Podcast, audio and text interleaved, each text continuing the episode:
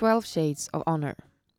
Om du tror att detta är en podd som är kopplad till en bokserie med liknande namn så har du nog kommit lite fel. Däremot så är du hjärtligt välkommen att lyssna på en podd av Somaya kvinno och tjejjour som behandlar ganska exakt just det motsatta ämnet. Hej hej, hallå hallå och varmt välkomna till ytterligare ett avsnitt. Eh, vi börjar närma oss slutet på vår poddserie. Det här är näst sista avsnittet. Så håll till godo, det blir ett till. Men oavsett så kommer vi i dagens avsnitt prata om hur det kan vara att leva med skyddade personuppgifter och hur vägen till ett liv fritt från våld faktiskt kan leda till att man mister en del av sin frihet. Dagens gäster är Somaya-personal som även kommer prata om hur jobbet på en kvinnojour ser ut och hur det är att ständigt arbeta med säkerhet och att inte kunna använda sina riktiga personuppgifter i arbetet. Let's do this! Välkomna! Thank you! Oj, jag sa det mm. lite fett. Nor har redan presenterat sig själv. Jag känner mig hyperaktiv. Vi sa precis att kaffet, kaffet, kaffet har kickat in.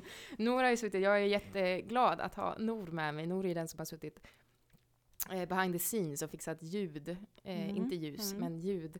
Eh, och den som också har skickat lappar till mig ganska kontinuerligt under alla, under alla Avsnitt, poddavsnittsinspelningar. Så här, håller upp lappar där det står Elsa, kom ihåg fråga två!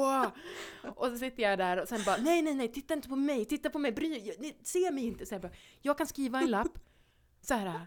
Don't acknowledge me. Eller du måste ju se vad jag skrivit, men du ska inte pausa i det ja, du säger. ja, bli, bli inte störd. Bli inte störd. Håll fokus. Och sen är det så här som rödljus, det är någon som kommer med saftblandare in i rummet när Nor håller upp sina skyltar där det står Frågare! Och det blir paus i hela avsnittet, varav Nor alltid kommer in och bara Alltså så, det var verkligen inte min mening det här att jag skulle störa. Jag ville bara att, att Elsa skulle få ställa den här frågan.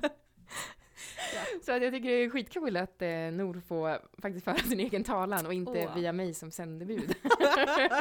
ja, eller hur? Ja, det ska bli jätteroligt. ja, ja jag känner, det mm. känns som att du har eh, poddinspelningsvana här Ja, ja, alltså nej, jag är ju liksom, eh, i och med att jag har suttit med tekniken så känns det faktiskt lite nervöst. Ja. Men eh, ja, det ska bli roligt. Det ska bli kul. Ja, ja, men eh, det här kommer nog bli eh, skitbra. Och sen att vi har fått i oss ungefär samma mängd kaffe här så att eh, nivåerna Mm. känns... Eh, lifting the roof. Yes, är vi Yes. peppade här ja. Ja, och sen sitter jag här med Leila. Hej hej! Hej! Du har ju varit med i ett, ett tidigare Ett, avsnitt. ett halvt avsnitt kan Ja. man väl säga. Ett, det, beror, det beror på hur vi klipper det. Leila är lite orolig för hur vi ska klippa det avsnittet. Mm. Har du förhoppningar att det bara blir ut ett, avsnittet också. Har du förhoppningar Leila att det bara blir ett halvt avsnitt? Den här gången hoppas jag att det blir ett ordentligt avsnitt. Ja, vi får hoppas på det. Så kan ni kasta bort det gamla. Just take the new stuff. ah, ja, ja, ja. Ehm, ja, eh, nu ska vi se ehm, vad vi skulle prata om. Ehm, Vilka vi är, ja, vad vi jobbar med. ja. Leila, Leila, vi har ju fått en liten, eh, en liten inblick i vad, vem du är och vad du gör. Och eh, däremot är det ju ett stort eh, svart hål gällande dig Nor. Ett svart hål. Ja, ja. Vem är du? Vem är jag? Open the black box for us. Vad är meningen med livet? Förlåt, jag är lite flummig. Okej, ja, vem är jag? Ja, jag kallas ju för Nor. Eh, jag eh, jobbar som kontaktperson. Ehm, eh, det betyder då, eller det innebär att jag har helhetsansvar för de kvinnor och barn som eh, är placerade hos oss. Så jag eh, stöttar i kontakter med myndighet, eh, har stödsamtal, följer med om det är någon läkarbesök eller sådär. Jag finns lite överallt. Det kan vara allt möjligt, Mm. helt enkelt. Mm.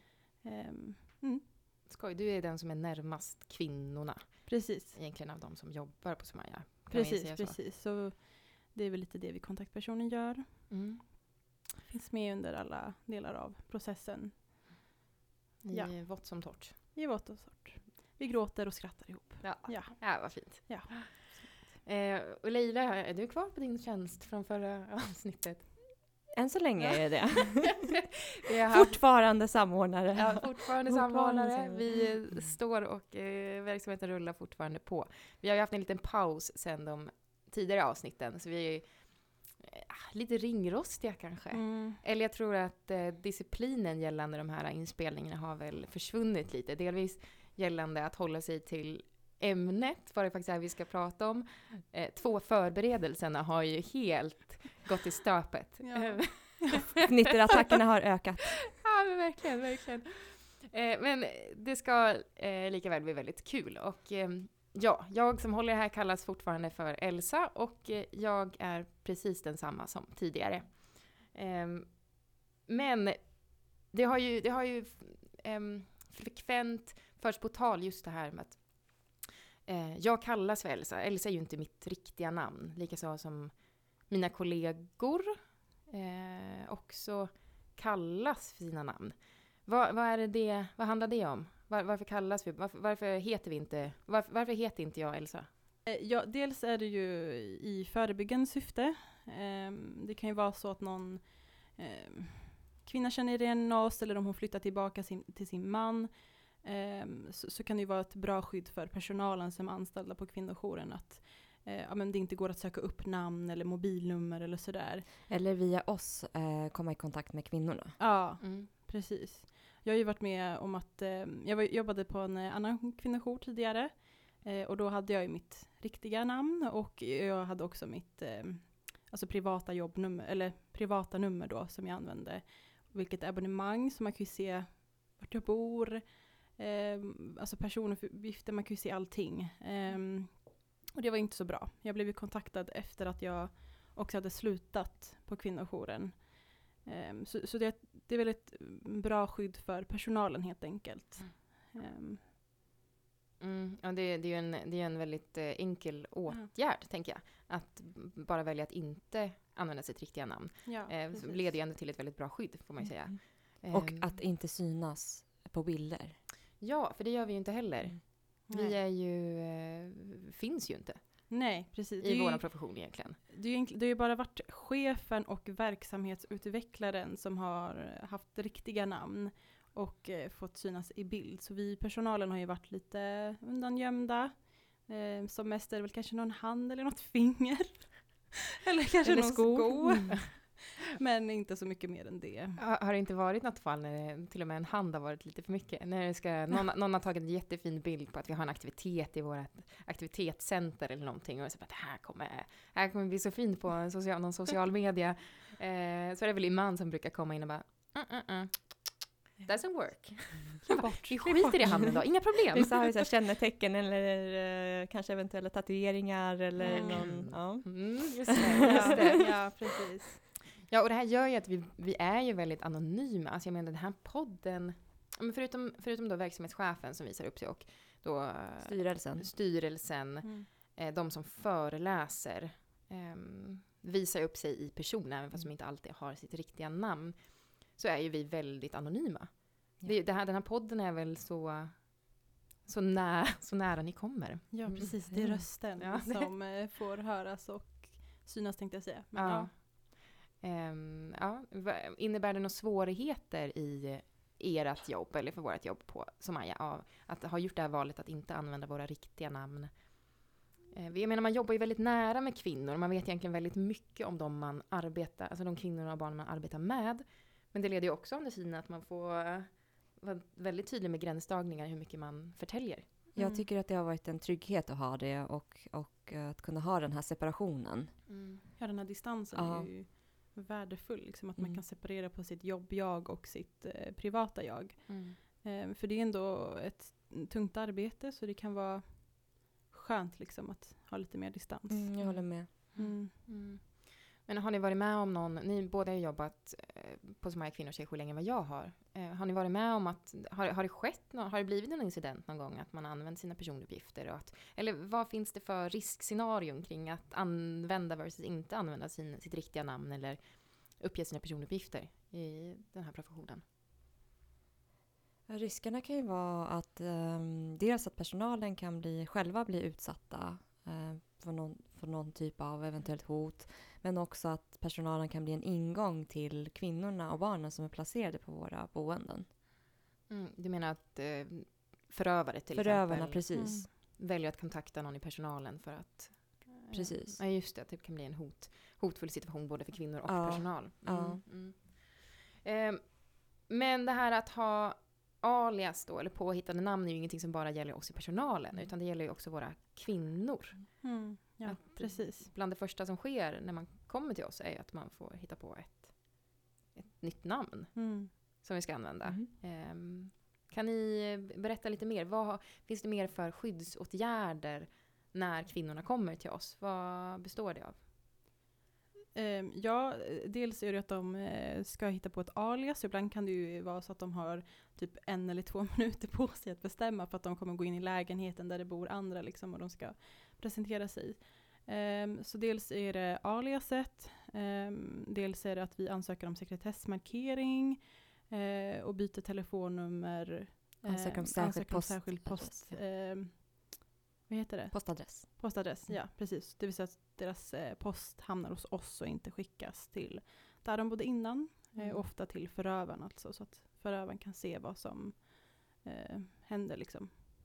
Just det, för det kan ju gälla att man får eh, kallelser Ja, Precis. precis. Mm. som då ger detaljerad information egentligen om att oh, men du har en tid på den här vårdcentralen Ja, nästa vecka. Precis. precis. Så, sådana saker har ju hänt. Mm, mm. Ja. Vad är det mer? Vi brukar formatera om deras mobiler många Just det. gånger. Mm. Eh, De får nytt simkort. Ja, för det där är ju ett problem som har kommit med teknikens utveckling, tänker Ja. som man inte behövde tänka på Mm. förut. Mm. Jag menar, vi diskuterar ändå ganska mycket så, ja, men, olika spionprogram som förekommer, Mm. som man kan egentligen ladda ner på någons dator eller Mm. advice, så, utan att man själv märker, men som gör att de kan um, lokalisera var personen befinner sig. Precis, och till och med i saker. Har inte vi varit med om att det har varit någon spårningsgrej, någon nallebjörn eller så? Det- Precis, ibland kan det vara att till exempel ehm, någon, om vi säger att det är ehm, eh, våld i nära relation och, och eh, det är en pappa med i bilden som vill ge någon present till sina barn Mm. så kan det finnas en risk att den personen kan lämna någon spårningssändare Mm. Mm. i sakerna. Så vi brukar inte ta emot sakerna direkt utan då får socialtjänsten gå igenom sakerna först. Mm. Och i vissa fall Securitas va? I vissa Ja. fall Securitas, Mm. precis. Om, om det råder stor hotbild. Mm. Sen brukar vi ju också eh, förmana kvinnorna att inte använda sociala medier. Men det gör de ändå ibland.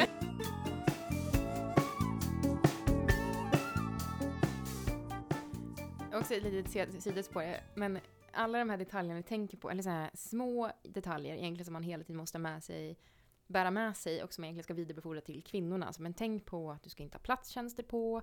Eh, men, återigen, man får presenter, se till att det inte finns någon spår. Gör det att man blir lite... Vad gör det med er? Som personal, Ja, det skulle bli så. Blir ni, har ni blivit mer misstänksamma? Man är ju extra försiktig när det gäller kvinnorna och när det gäller ehm, om det gäller gåvor eller om det är saker som ska lämnas till dem från hemmet till exempel. Mm. Ibland har de ju lämnat massa saker hemma och eh, sakerna kanske lämnas till socialtjänsten först och sen vidare till oss. Så blir man ju extra liksom, varsam eller försiktig. Um, Likaså är det ju med all teknologi, det är ju datorer, det är paddor, det är mobiler, andra saker gör ju att man, Mm. man blir lite misstänksam. Mm, mm. Ehm, men för, för att hoppa tillbaka lite här, för vi har ju redan nämnt ordet sekretessmarkering. Ja. Ehm, och det här är ju en väldigt mm, så här, grundbult egentligen när Ja. man kommer till oss. Ehm, och för alla, tänker jag, som egentligen som lever i skydd. Mm. Det här med skyddat ID. Um, Ja. Det känns som det är en ganska stor mystik. Ja. Eller om inte mystik så... eh, vad, vad är egentligen, vad innebär just sekretessmarkering? För det finns olika typer. Precis. Ja, man brukar oftast prata om så här, skyddade personuppgifter, men sen finns det liksom olika varianter. Ehm, det finns sekretessmarkering, det finns kvarskrivning, och sen finns det fingerade personuppgifter. Och sen kanske det finns något mer som jag inte kommer på nu. Eh, men sekretessmarkering är då att ehm, ens personuppgifter och namn ehm, Namn och adress eh, skyddas i folkbokföringsregistret. Ja, precis. Ehm, Mm, och vil, vilken är det som... eh, vi brukar, för det, det ingår va, i inskrivningsrutinerna, Ja. att man ansöker om just sekretessmarkering. Precis, och så fort kvinnorna kommer till oss så brukar vi i inskrivningsfasen skicka en ansökan om eh, skyddade personuppgifter. Vilket brukar kompletteras med ett intyg från socialtjänsten och eller polisen. Mm. polisanmä- om det finns någon polisanmälan så brukar det också skickas in Mm. ganska omgående. Och om man inte har ett intyg än, för det kan ju vara så att det blir en akut inskrivning, så skickar man ändå iväg ansökan om sekretessmarkering, så kan man ju komplettera sen med intyget. Eh, men det, det brukar liksom gå igenom ändå i, i första skedet. Får man en tillfällig Ja, sekretessmarkering. precis, en tillfällig och sen när man har kompletterat så kan man få en lite mer, eh, ja, längre. Mm. För det krävs ändå ganska särskilda skäl för att få sekretessmarkering. Det är ingenting som man bara ansöker om och sen eh, tjoff Nej, får man nej, det. Utan det Skatt, Skatteverket vill ha något underlag som styrker det man, man har skrivit. Alltså om någon person är utsatt för hot eller våld så vill de gärna ha något underlag i form av något intyg eller någon anmälan som har gjorts. Mm. Sen är det ju inte något man vill ha. Nej. Om man säger så. Alltså det är ju väldigt jobbigt att eh, ha sekretessmarkering. Ja. Eh, och det är liksom en, jag tänker att det är en ständig påminnelse eh, om den situationen som man lever i. Eh, man måste nämna det om man till exempel har tid på vårdcentral eller om man ringer någon myndighet. Eh, det, det liksom kommer upp på tal varenda gång man nämner att man har person eller var, varenda gång man nämner sina personuppgifter. Mm. Eh, Mm. Och sen är det också att eh, man får skyddade personuppgifter tillfälligt, så mellan ett till tre år brukar vara vanligt. Sen om man vill fortsätta ha det så måste man förlänga det. Och ehm, det gäller ju... Vissa vill ju inte förlänga det för att de, de Mm. tröttnar på att hela tiden vara liksom lite utanför systemet Mm. eller att saker och ting blir mer komplicerade och tar längre tid. Eh, Medan andra är i behov av det hela livet. Det kan också vara så att ehm, när man har sekretessmarkering och ehm, vill använda mobilbank-id så, så går det inte att använda vissa webbtjänster. Eh, och det försvårar ju mycket. Det kan vara så att man behöver ringa, man måste beställa blanketter. Och det tar också tid för att man har ju redan en särskild postadress. Mm. Så det, liksom, det tar redan två veckor att få sin post och sen ska man fylla i blanketten och sen skicka iväg den igen. Så det, det är väldigt Eller ta sig till, eller ta sig Ja. till någon myndighet om eller det ens går. Om det för går. i vissa fall så har man ju en, en särskild handläggare ehm, som tar hand om de som har sekretessmarkering. Så det är också det, det beror på vilken myndighet man har att göra med. Mm. Och där får man ju ändå säga att det, är- det är ju en väldig förmån att vi är lokaliserade i Stockholm. Eh, för att här finns ju, om myndigheter finns någonstans så är det ju här. Ja. Att ofta så går det ju på något vis att få till en eh, stämmaträff eller få, å- gå, dit, gå dit i person. Mm. Men det är ju få förunnade. Mm. Jag menar de som bor ute i landet där men så här, banker har öppet en gång i veckan, två gånger i veckan. Eller man kanske har en bank som inte ens har ett kontor där man bor. Det här är inte så himla läng- enkelt längre. Nej, Nej. nej. Eh, Men jag tänker att det är en väldigt komplex situation. Just det, men kvinnor eller de som söker skydd för att ha levt i någon typ av våldssituation eller förtryck, väljer att lämna det, eh, kommer till en kvinnojour, ansöker om sekretessmarkering och att det blir som en frizon. Mm. För det, det är ju på något vis, på något väldigt skevt sätt så blir ju det en typ av frihet. Samtidigt som också att det är väldigt, väldigt begränsande. Alltså så här, är Mm. Ja, det är en skyddat. ID, är det en frihet eller är det en begränsning? Det är som att man får någonting, man ansöker om någonting och man får någonting, jo man får ett skydd. Men man mister också en del av sitt självbestämmande. Ja, Mm. absolut. Mm. Eh, För att person, ens personuppgifter utgör en så stor del av en i ett, liksom, ett samhällssystem som är Mm. byggt på Mm. just personuppgifter. Ja. Ehm, för det tänker jag som kontaktperson, där är ju mycket av jobbet handlar om att lära in på nytt. Mm. Att så här, du har skyddade personuppgifter. Nej, du kan inte göra som du alltid har gjort. Nu måste vi backa bandet. Ja. Du ska lära dig det här på nytt. Jag tycker att det fungerar bättre med myndigheter och företag som har, redan har tydliga riktlinjer med hur de ska hantera personer med skyddade Mm. personuppgifter.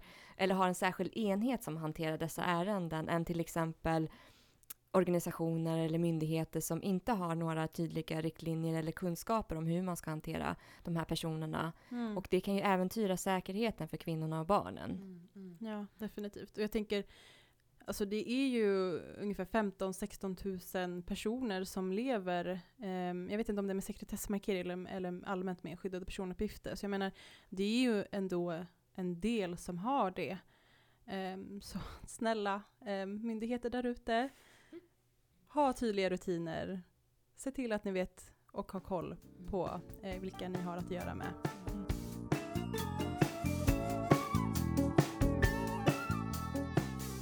Ja, för grejen är ju med sekretessmarkering att det är ju så, ja men det finns ju verkligen två sidor av det myntet. Alltså, å andra sidan så är det fantastiskt att det, den resursen finns i samhället, att man kan ansöka om skyddade personuppgifter, om sekretessmarkering. Um, och att det finns liksom en, en, instans som jobbar aktivt med att upprätthålla ett skydd för individer mm. eh, som behöver skydd. Däremot så finns det ju den egentligen den väldigt bisarra verkligheten som gör att, ja, men det finns också omständigheter i samhället som gör att personer tvingas till att ansöka om sekretessmarkering. Det är ju ingen utav de kvinnorna, eller för den delen barnen, som bor på vårt skyddade boenden som frivilligt, om de hade ett val, skulle välja att ha skyddade personuppgifter. För det är inte så kul. Nej. Det är ganska mycket hassle. Ja. Och för um, barnen kan det vara extra känsligt i skolorna om de kanske inte finns med på klasslistor till exempel. De kan inte vara med mm. på skolfoton. Ja, tv-program. Mm, mm. Eh, det kan ju vara så att, eh, eh, ja, att barn blir tillfrågade om de vill vara med i vissa tv-program med, med sin klass och då får man säga nej men ja, det, det går inte. Mm, mm. Eh, och då blir de såklart jätteledsna och det är ju helt förståeligt. Mm. Men då får man ju se till att man hittar på något roligt en dag, något, ja, men man går på bio eller gör något annat som barnet gillar. Mm. För att muntra upp. Men det är, ja, det, det, är ju tufft. Det är tufft och också kanske svårt för barnen att hur de ska hantera sina vänner mm. och klasskompisar som kanske inte förstår situationen. Mm. Och typ att man inte kan ta hem någon vän. Ja. Eh, för om man bor på skyddat boende, eller hos oss i alla fall, så kan man inte ta hem någon. Um, och visst att man kan gå hem till sin kompis, men det är ändå så här, hur ska man förklara för sin bästa vän att nej men du kan inte komma hem till mig. Mm, mm.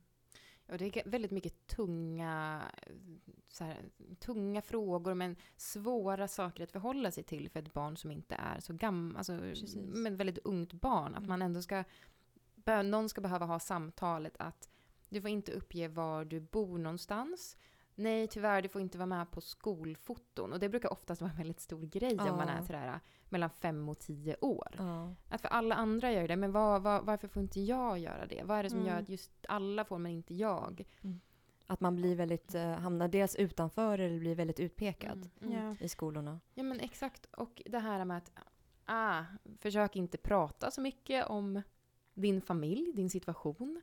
Mm. Få prata med lärarna i en skola för att de får vara med och stötta upp om de ja. märker att andra elever ställer väldigt mycket frågor till, till det här barnet eller hamnar i en pressad situation när de känner att de måste svara på eh, varför de har kommit till den här skolan mitt i mm. terminen. Vad var det som gjorde att de flyttade nu? Var kommer de ifrån? Vilken ja. stad? Varför de flyttat? Och så vidare. Och så vidare.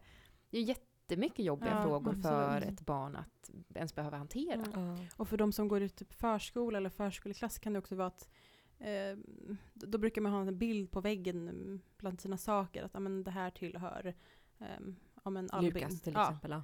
Och, och, då kan man, man kan inte heller ha en bild uppe där. Och då kan det också vara att man får fråga, men varför finns det inte en bild på dig? Mm, mm. Eh, och det är jättejobbigt. Eller att man kanske inte kan följa med på alla utflykter om det är till något område som man inte kan vistas i. Mm, mm. Eller om man ska vara med i någon skoltidning eller vad det är. Um, så det, det, det, är mycket. Och det är mycket för föräldrarna också.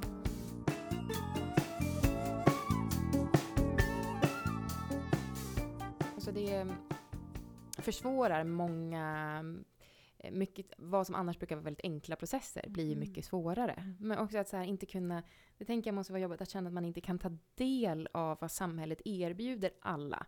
Att man inte längre riktigt tillhör dem alla ja. på samma sätt. Utan jo, men jag kan bli det.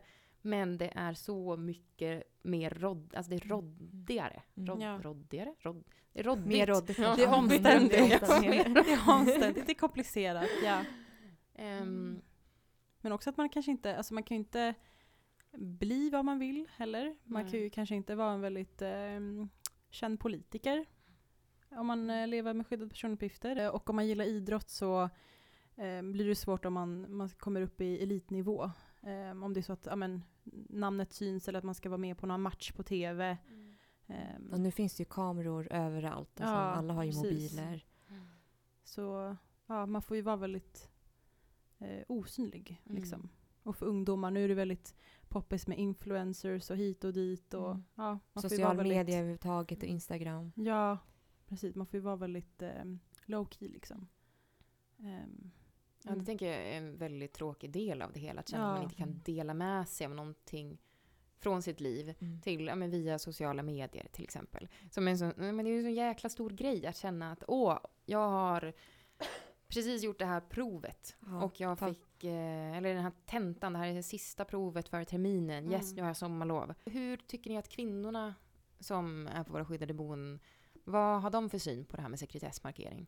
Jag tror att några tycker att det är ganska skönt att ha skyddade personuppgifter, speciellt när de flyttar ifrån oss och att de kan ha en skyddad adress. Sen så finns det ju de som tröttnar på att hela tiden vara begränsade och liksom hela tiden utanför samhället och att vissa processer tar längre tid när man har skyddade personuppgifter och att man inte alltid hittas i system när man ska Mm, få mm. Vissa ärenden att fungera. Så att eh, många vill ju gärna bli av med det. Ja. Uh, och sen som jag nämnde tidigare så tyvärr så tvingas ju ändå en hel del få leva med, med skyddet personuppgifter kanske hela livet. Mm, Mm. ja, alltså det är ju en väldigt stor frustration för Mm. många. Mm. Eh, Men jag, jag tänker, det är där det hade kunnat underlätta om eh, myndigheter hade mer tydliga rutiner eller ja, större koll helt enkelt och kan eh, vara mer behjälpliga. Mm. Eh, också i förståelsen eh, av hur det är att leva med sekretessmarkering. Mm. Eh, hur omständigt det är. Ehm, och kanske inte ha så här, ja om en vecka ska du inkomma med det här pappret eller det här underlaget. Man bara, så det tar ju bara två veckor att få det på posten.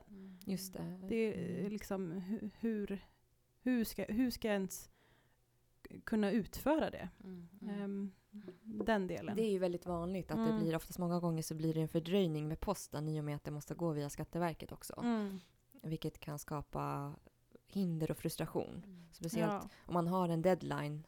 Bara en enkel sak ibland att fakturor kanske inte hinner fram i tid. Mm, mm. Precis. Ja, det där upplever jag är ganska vanligt hos oss. Att en kvinna har en faktura som i och med att de har flyttat ehm, inte har fått den i tid och inte sett den i tid och fått en påminnelse. Mm. Och sen sker en adress, en eller man ansöker om en särskild postadress, så det går via Skatteverket. Och den här påminnelsen också har gått för långt så till slut hamnar det hos inkasso och Mm. ehm, påminnelseavgifterna bara rullar på. Så att vad som från början kan ha varit väldigt så här, bagatellartad summa blir i slutändan väldigt, väldigt mycket. Mm. Och det är väldigt vanligt, Mm. tyvärr. Ja, men det är väl det som också känns dubbelt i det här. Att ja, men möjligheten till att få skydd och ett skyddat ID. Frustrationen över att leva med det, delvis för att det ska inte behövas. Vi ska ju fortfarande ha ett samhälle där sekretessmarkering inte ska vara nödvändigt.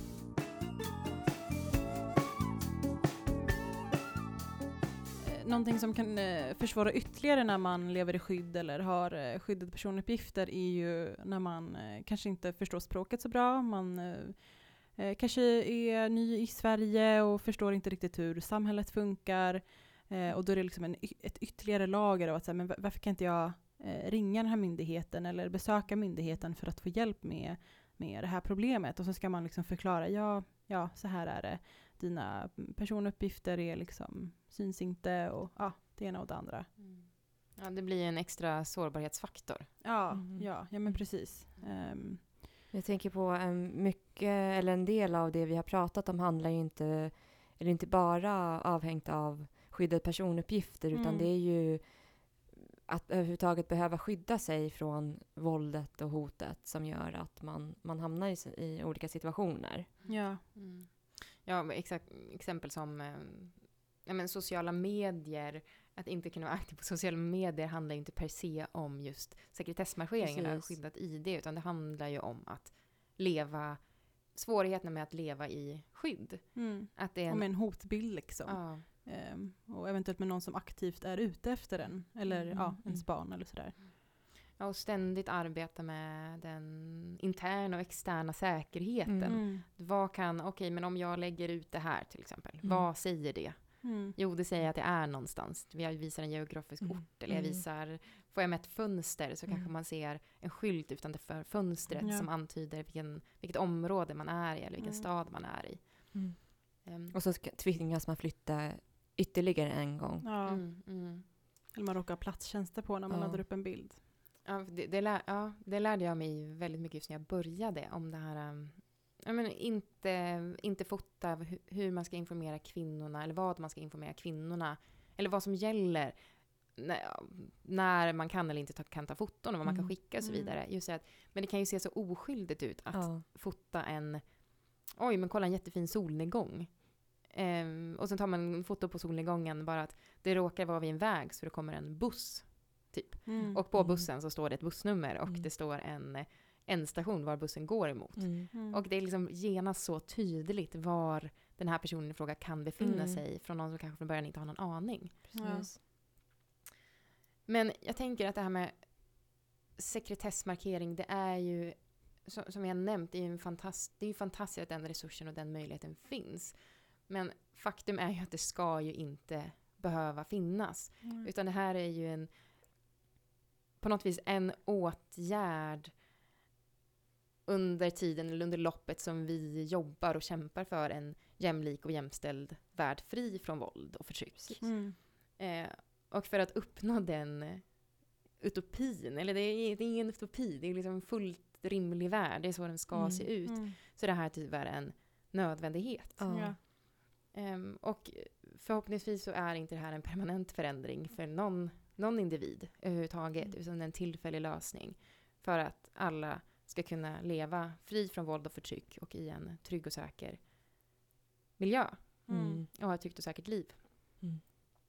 Eh, med det sagt så vill jag tacka Leila och Nor så mycket för Tack denna själv. poddinspelning. Nor är framför micken. Framför micken, ja. Still excited. Nu ska hon tillbaks bakom micken igen. Ja, precis. bakom kulisserna. Då blir jag som hamnar bakom rattarna. Ljudet Ja. kommer flippa totalt. Yes. ja, har ni något eh, final visdomsord? Var snälla mot varandra, sluta slåss. Nej, ta bort, ta bort. Katt, katt. Cut, cut. Katt.